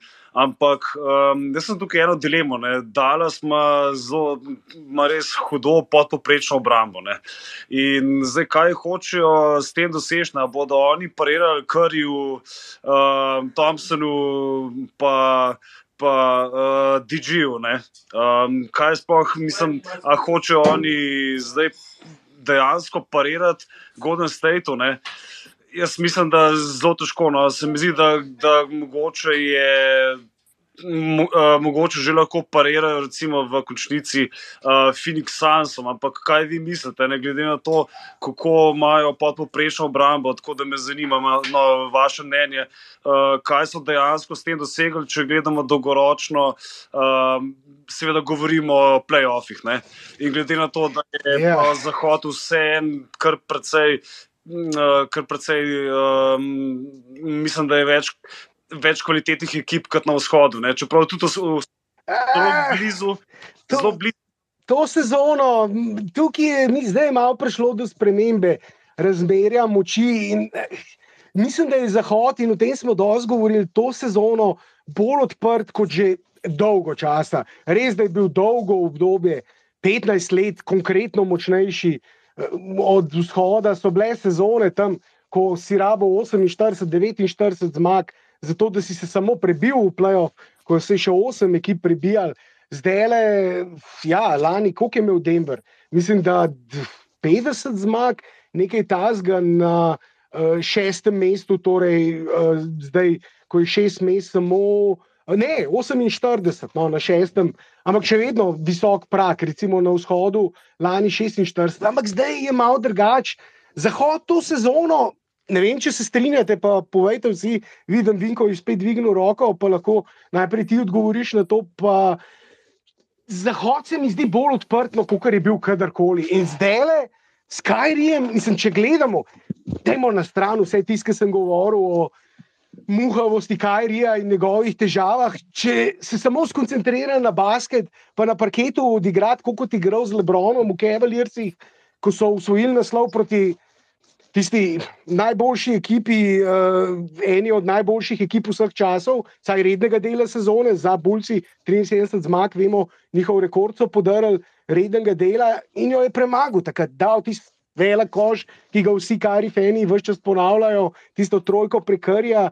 Če se samo na to skoncentrira, koliko boljših tandemov je v ligi, pa Matjaževo vprašanje, seveda za vse, izvolite, kako dobri so zdaj. Mislim, če nič ne naredijo, pa smo rekli, da pričakujejo še trade, ampak če ostane taka ekipa, jaz mislim, mislim Matej, da na evo, zahodu. Sorry, Izvoli. Kinjam. Luka Dončić wanted Kyrie Irving. Nico Harrison got Kyrie Irving. Evo. To je zdaj poro- kdo je kdo, Isto Franko pa pravi, da je to največji gambling v zgodovini A- kluba. ja, se je, se je, To, se to je. je tweetnul Landon Thomas, ki je covering Dallas Mavericks. Ne, ne, Landon Thomas, on je to napisal kot svoj tweet, svoje mnenje. Luka je želel, nikoga je A dobil. misliš, To ni... no, okay. Ja, izvoli, kar dodaj, kaj si želel še povedati.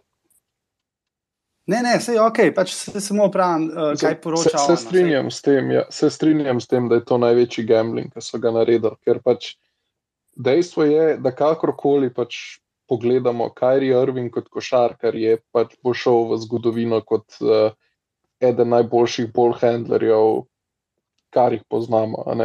Ampak to, kar je Kyrie na parketu in kaj lahko da na parketu in Kyrie kaj prenese vse zraven, mislim. To je, oh, bog se usmil, no, pač res. Um, pač to je tisto, kar, kar najbolj skrbi.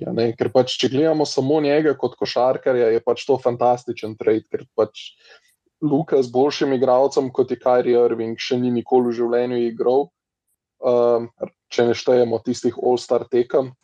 Um, da, Pa Eurobasket Aha. Dragiča, 217 Eurobasket Gorija. Dobro, no, ok, recimo, ampak še vedno je Kyrie, mislim, da na višjem nivoju kot pa Gora. Je. No. Brez dvoma, daleč najbolj talentiran igralec, s Ja. katerim je kadarkoli igral, ampak Matej se nam je še pridružil in me prav zanima, no, kaj bo zdaj on uh, rekel uh, o tej menjavi. Zoli, Matej, živijo, pozdravljen. Ja, živijo. Lej, Dallas minus, če Luko odšteješ, je bila ena najbolj dolgočasnih, negledljivih ekip. Uh, v bistvu niso mogli premagati nikogar v ligi.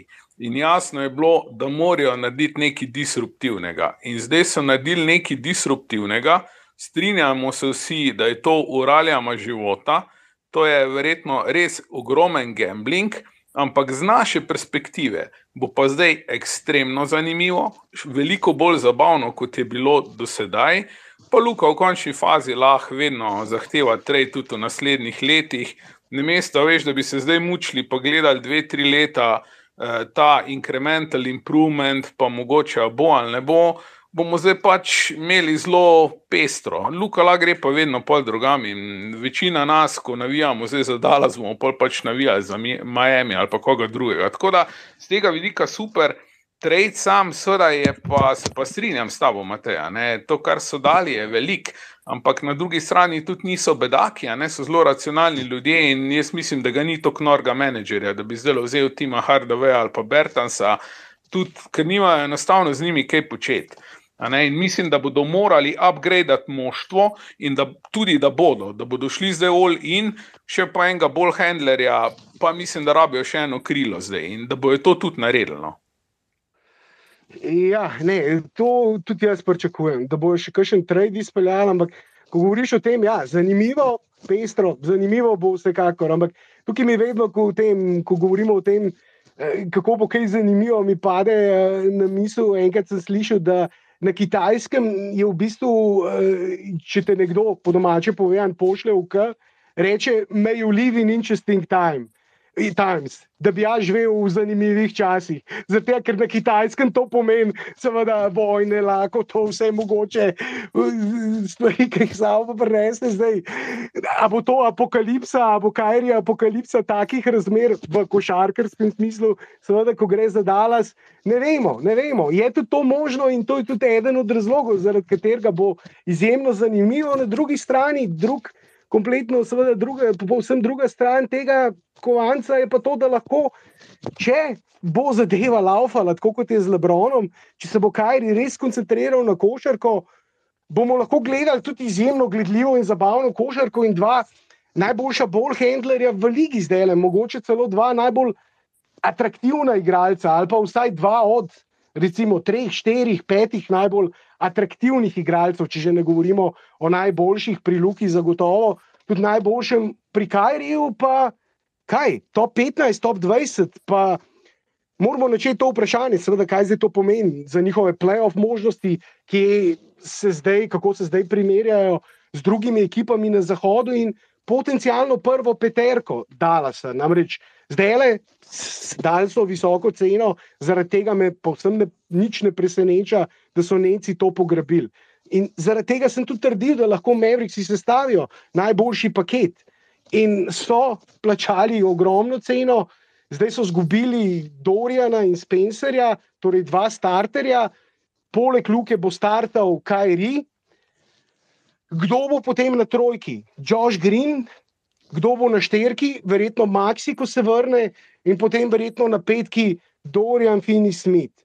Opcija je potem na mesto Joša. Samo, samo trenutek, Marko, to sem že naučil. Rekl si na petki Dorian Finney Smith. A ja, vidiš, vidiš, ne, sej, pa ta igralec, tisti, ki spremljate Dallas, veste, kako simpatičen igralec je. Tista zgodba o uspehu iz revščine, dobesedno iz res težkega okolja, trdo delal, ni bil draftan, res trdo delal za to, da je prišel do tukaj, kjer je najprej poskrbel za mamo. Po vsem, kar beremo, nisem brez kakršnih koli škandalov, skrbi za svoje otroka in mamo, in res squeaky clean, kot pravijo, in obenem garač, ki počne vse tiste mehke stvari, ki jih je treba početi na parketu. Skratka, res, lajkabel igralec, ki ga bom res pogrešal.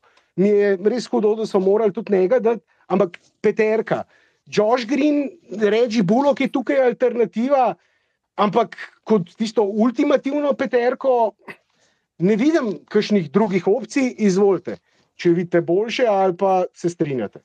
Matej, sam lani smo isto, če smo odkriti, se držali za glavo, ko je Dinvidi prišel, pa Bertans. Za Porcingisa pa smo iskali takrat iz četrtek, kje so še kakšni piki zraven, ki so jih dali. Pa jih niso dali, zato ker pač Porcingis ni bil več vreden in se je tisti tretji dobro izpadel. Zdaj, res je, da smo vsi veliko bolj skeptični. Res je, da smo imeli Dorjana veliko raje kot kogarkoli, verjetno drugega, poleg Luke, ampak shit happens. Ne? Nekaj so morali narediti, in zdaj bo vsaj še nekaj naredili. In je to veliko bolje, kot pa da še leto, dve čakajo nekega drugega zvezdnika, ki ga pa ni. Jaz, jaz drugega zelo nisem videl, ne? ker so vsi hoteli veliko več. Anunobija bojo draže, še draže prodali Toronto, če ga bo. Ne? Tako da mislim, veš, v bistvu take it uh, what you can. Ne? Mislim pa, da, da bo pa zelo pestro, Se, zato nam pa gre, ne? da se bo na polno dogajalo. Kaj ima pa on v glavi, pa res ne vem. Ne? To, to bi verjetno zdaj najboljše, da Gorana probajo še za en second round pick Gorana, prepelat, ko ga najbolj poznamo, lahko še malo psihiatra špila. ja. Ja, eh, kaj mislite o tej, tudi Matej, mislim, o tej predlagani prvi peterki? Eh, kakšne druge alternative kot to, kar sem predlagal, se pravi, startla peterka, Luka Kajri, eh, Josh Green na trojki, Maxi na šterki in Wood na petki. Na papirju je to peterka, Wood, Kajri in Luka, to so trije igralci, ki lahko skupaj dajo. Zlahka dajo na tekmo 75-80 točk, samo te tri skupaj, v vsaki ekipi v ligi. Plus potem Wood, seveda, uh, pardon, um, uh, uh, Maxi za obrambo, poleg Wooda in pa Green tudi za obrambo. Samo vprašanje, če boste ta dva dovolj. Zdaj to je zelo potentna ofenzivna peterka, ima dovolj šutinga, nima dovolj obrambe in tukaj zdaj. Seveda pridemo tudi do te debate o obrambi in potem playoffu, ki jo je Matjaš že prej načel, če lahko zdaj, če ne bojo noč nobenih dodatnih sprememb naredili s tako peterko, tako obrambo, pridejo daleč v finalu. Zdaj, saj na papirju ta startna peterka, mislim, da se lahko enako vredno kosa s katero koli startno peterko na zahodu letos in jo tudi v njihovih minutah na parketu premaga. Kaj zdaj ostane na klopi, je pa potem naslednja debata, ampak že spet imamo monologe, ker se pravim, kar uskočite noter, kam imate kaj. Uh, Kaj je vaše mnenje o tem predlagani peterki? Mislim, da si ti, Marko, nekaj nasprotoval že prej. Uh... Problem je temu, kdo bo prihajal s klopi. Ker iz klopi potem, yes, ja. kdo pride. Okay, pridejo Bullock in Hardaway, pa smo že pri Nilikini, pa pri Hardiju in tašnih v bistvu nepreverjenih, oziroma eh, res tašnih igralcev, ko v bistvu igraš samo, za full vodiš, pa za full zgubljaš. Ja, no, se tukaj bojo tudi to, kar si že omenil, v bistvu bojo zagotovo minute Luke in Kajrija razporedili tako, da bo vedno en na parketu. Da bo recimo Kajrija prej potegnil v prvi četrtini in ko bo Luka šel konec prve četrtine na klop, pripeljal Kajrija nazaj. Je pa tudi res, da bi bilo zdaj, če so že šli v to, ne grejo zdaj olin, ne dajo tega, tega first rounderja, ki ga še imajo za bojana. Kaj pravite? Zdaj so šli tako, tako olin, se bojo plačali, kaj rija.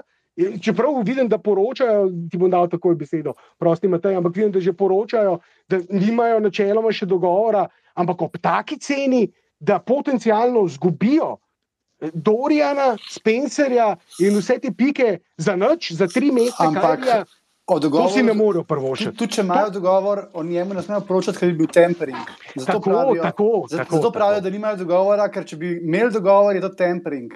In to je Stajn poročal prvi, Stajn je pa tisti, ki je najbolj badi badi s Cubanom. Vidimo fotke uh, Cubana in Stajna na skupnih večerjah, kako je zraven celega front officea on zagotovo ne bo um, kajšno poročal na način, ki bi recimo eh, mogel pripeljati oziroma prisiliti ligo v kakšno preiskavo in potem kazen, seveda, tempering. Matej, ja, želel, želel si dodati nekaj. Ja, lej, najprej kar nekaj igralcev na, inju, na tej listi za poškodovane. Dalno. Ne vem, tudi Juta je dala Wanderwilta, pa nekaj sem videl zadnji hip. Ja. Kar pomeni, da bo v naslednjih dneh, po mojem, res kar nekaj tradov. In mislim, da nekaj še bodo naredili, torej morajo narediti. To se verjetno vsi strinjamo, in vprašanje je, kaj bi mi naredili.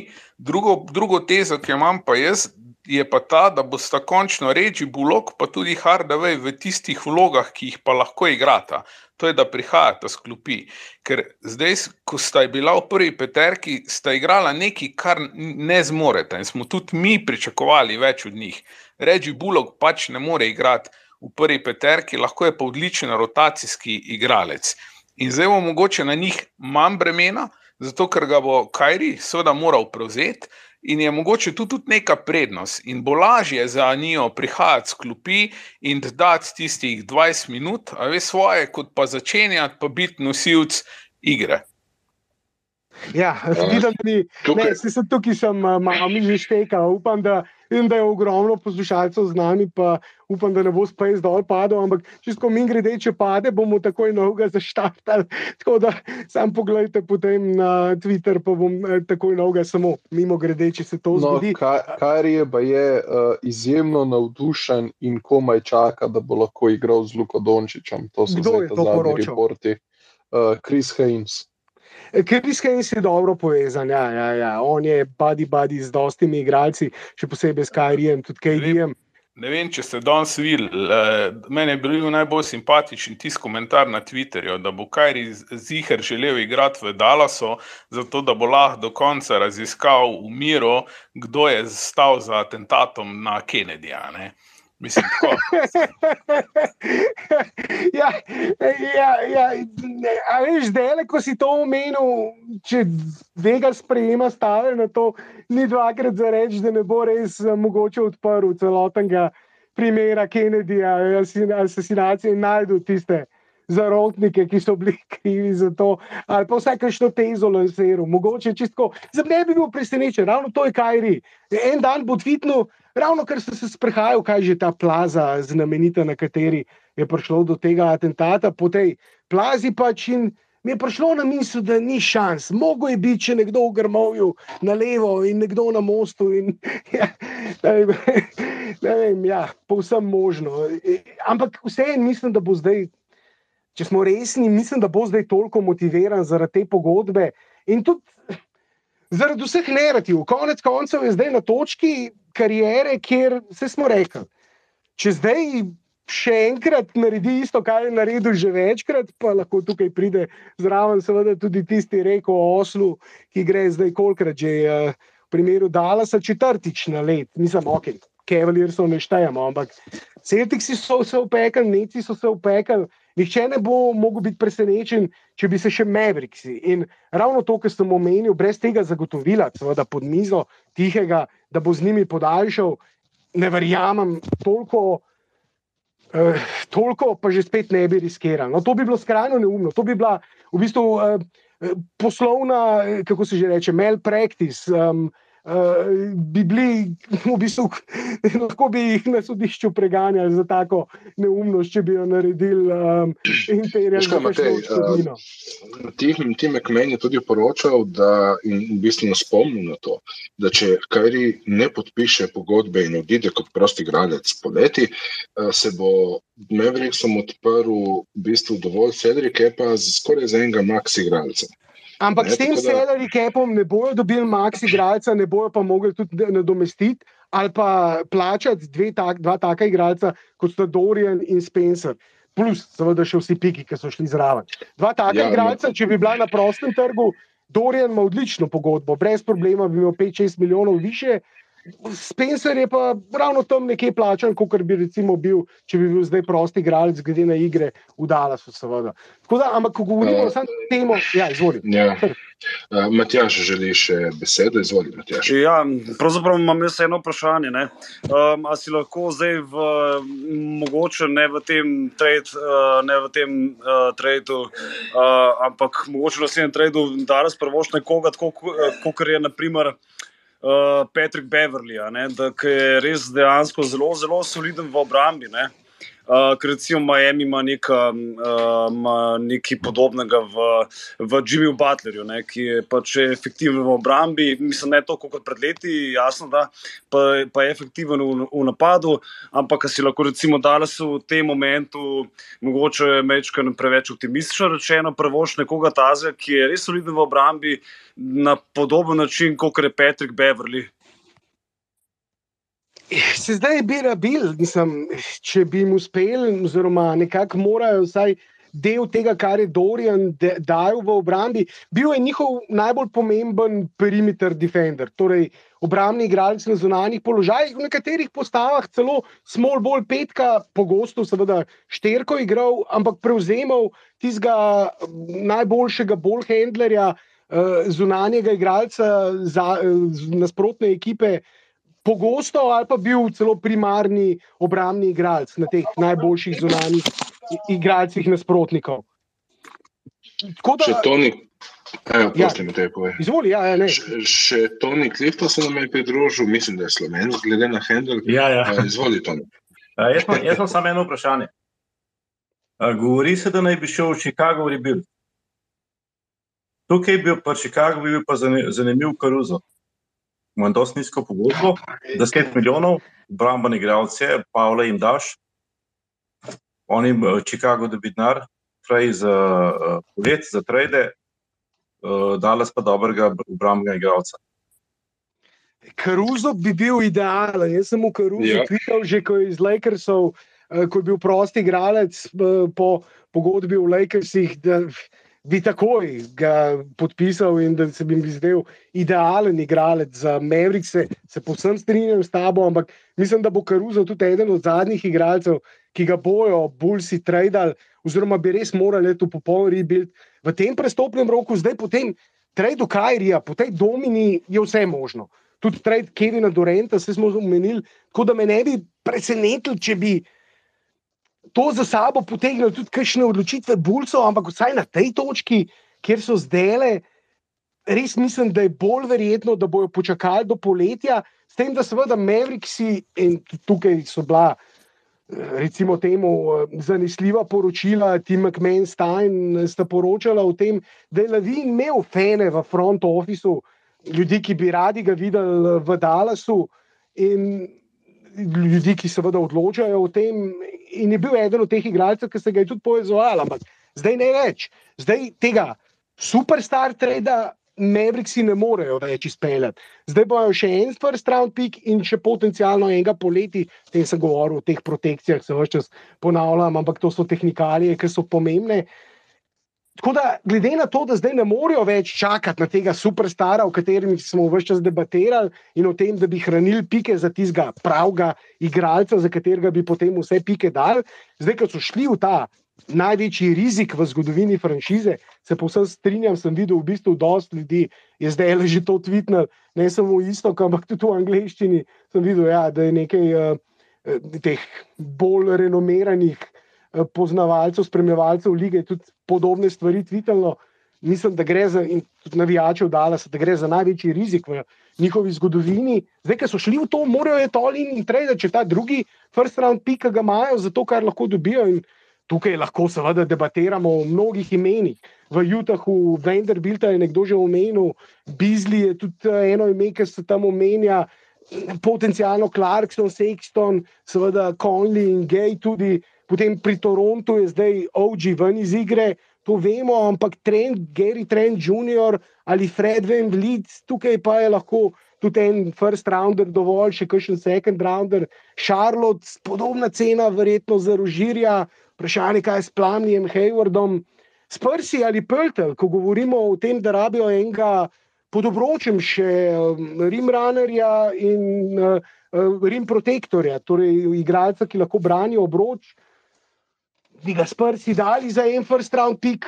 Vsa ta imena morajo biti zdaj v igri in nekaj še morajo narediti. Če so šli Olin in od predpo- predpostavki, da imajo to tiho zagotovilo, eh, pod mizo stisk roke Kajrija, da bo podaljšal z njimi poleti in v to sem prepričan, čeprav kot je Blaž omenil, pri Kajriju seveda nikoli ne veš, on lahko reče, ja bom pa se potem premislil, ampak tukaj morajo biti niko, vsi, ki so sprejeli to odločitev, blizu 100%, no, mislim praktično 100%, da, da res vejo. In tukaj že spet, o tem smo govorili, nikoga pozna, mogoče lahko, ne vem, kdo je omenil ta deal z Nikejem, mislim, da Matej, in da lahko seveda tukaj pri tem delu, ki ga je izgubil zaradi teh zadnjih škandalov, eh, lahko pomaga. To je seveda pogodba, 100 milijonska pogodba, potencialno še dosti več, ko bi bil že spet prosti igralec, tako da res govorimo za, o ogromnih vsotah in si zagotovo želi nazaj dobiti to pogodbo.